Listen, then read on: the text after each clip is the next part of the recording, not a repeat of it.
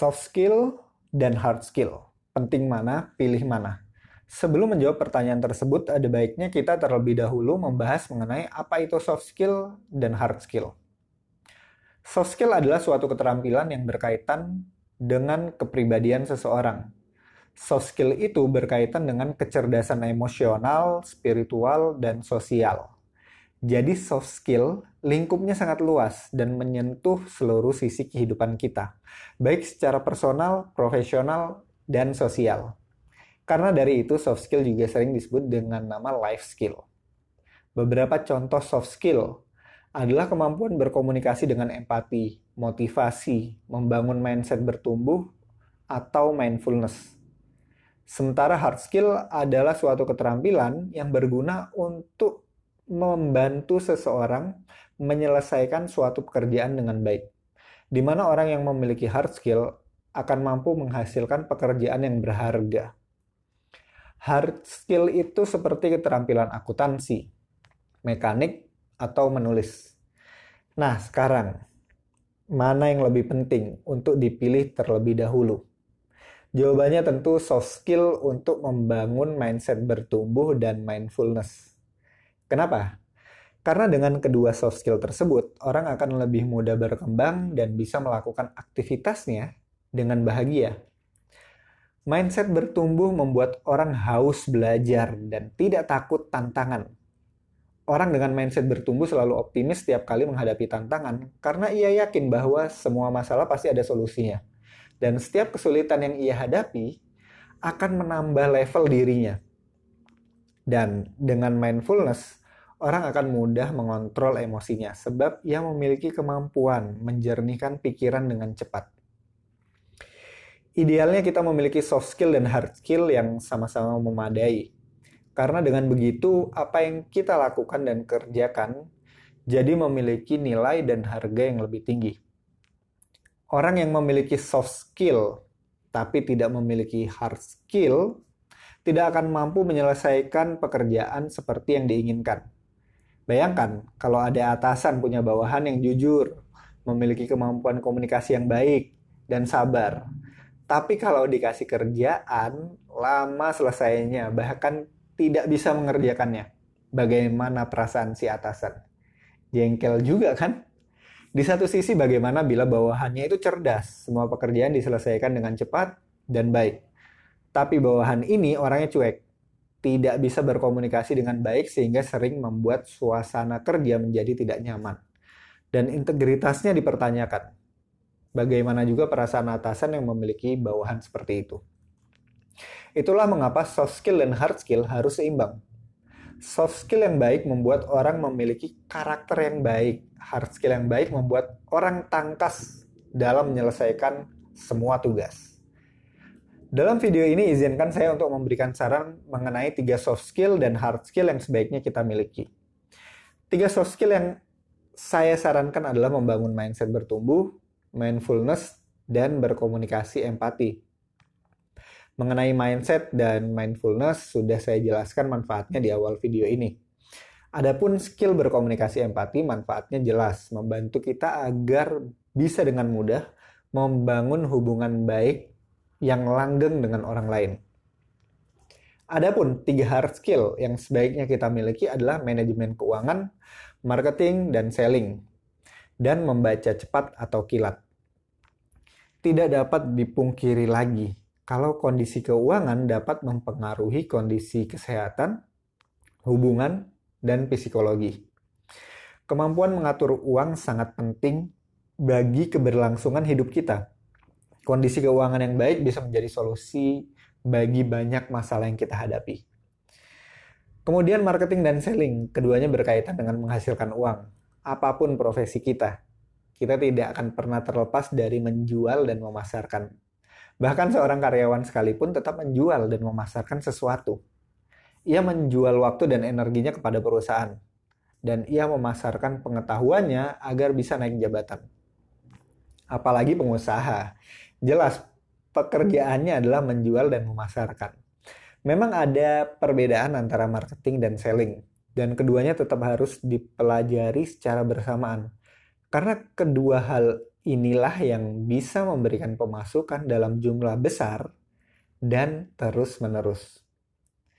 Dan hard skill yang terakhir adalah membaca cepat atau kilat. Sobat terus bebas mau pilih yang mana. Yang jelas skill membaca ini sangat dibutuhkan. Mengapa? Karena perubahan era terjadi sangat cepat.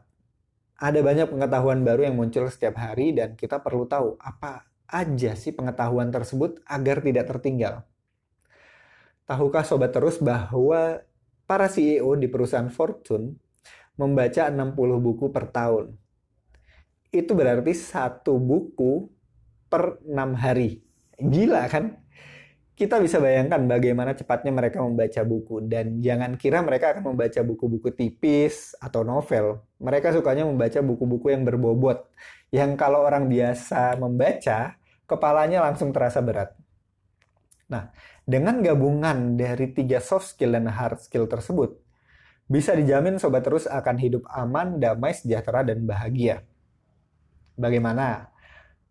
Penasaran untuk mempelajari skill-skill tersebut? Silakan pilih mana dulu yang mau dipelajari. Sampai jumpa di video berikutnya dan tekan tombol subscribe serta lonceng agar bisa terus upgrade dengan pengetahuan yang bermanfaat. See you. The power of kepepet itu luar biasa. Tidak percaya? Pernahkah kamu dikejar anjing dan tiba-tiba kamu bisa berlari sangat kencang? Saking cepatnya kamu tidak percaya kamu bisa berlari secepat itu. Atau pernahkah kamu menyelesaikan suatu pekerjaan dengan cepat karena diancam?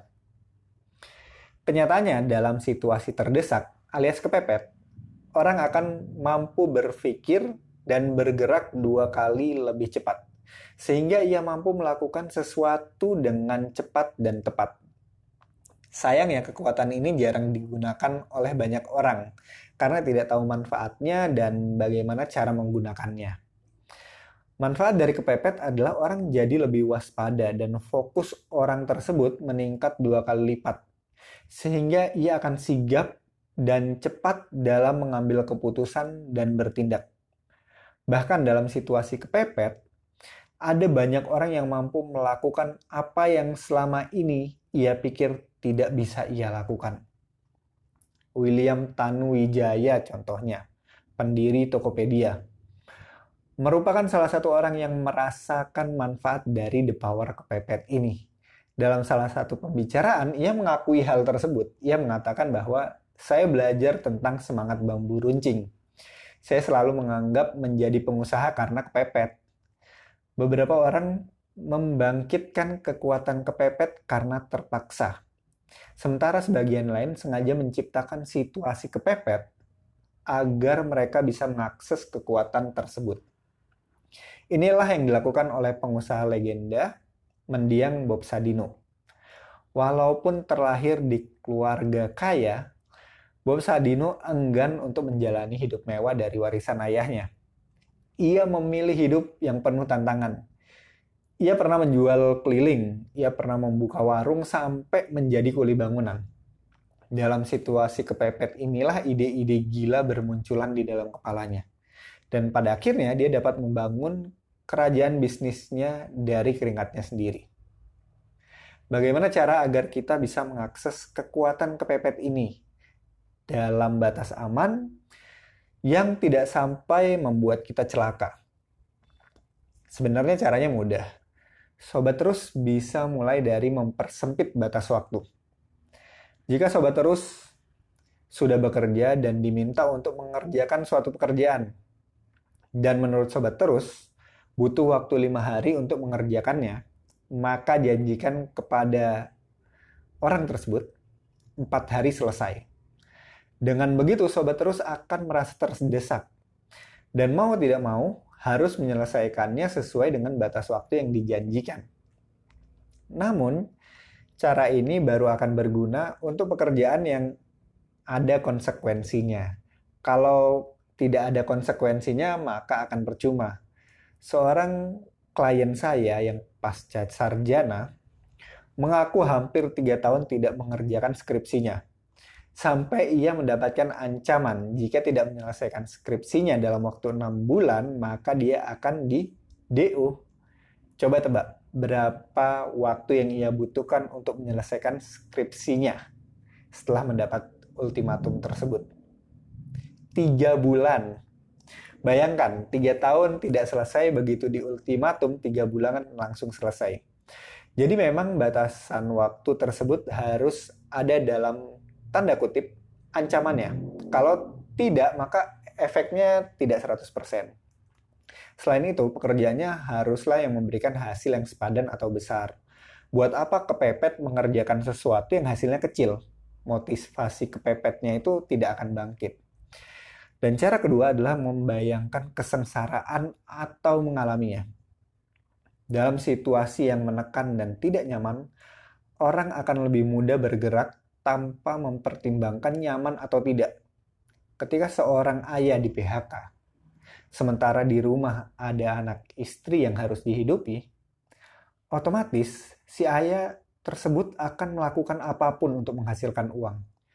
Dia tidak peduli ia suka dengan pekerjaannya atau tidak, yang penting dapat duit. Begitu pula mahasiswa yang terancam DO karena skripsi. Suka tidak suka akan segera menyelesaikan skripsinya agar orang tuanya tidak kecewa. Untuk mengakses kekuatan kepepet ini, kita bisa membayangkan kalau kita tidak melakukan sesuatu atau gagal melakukan sesuatu. Efek apa yang akan kita dan orang yang kita cintai dapatkan?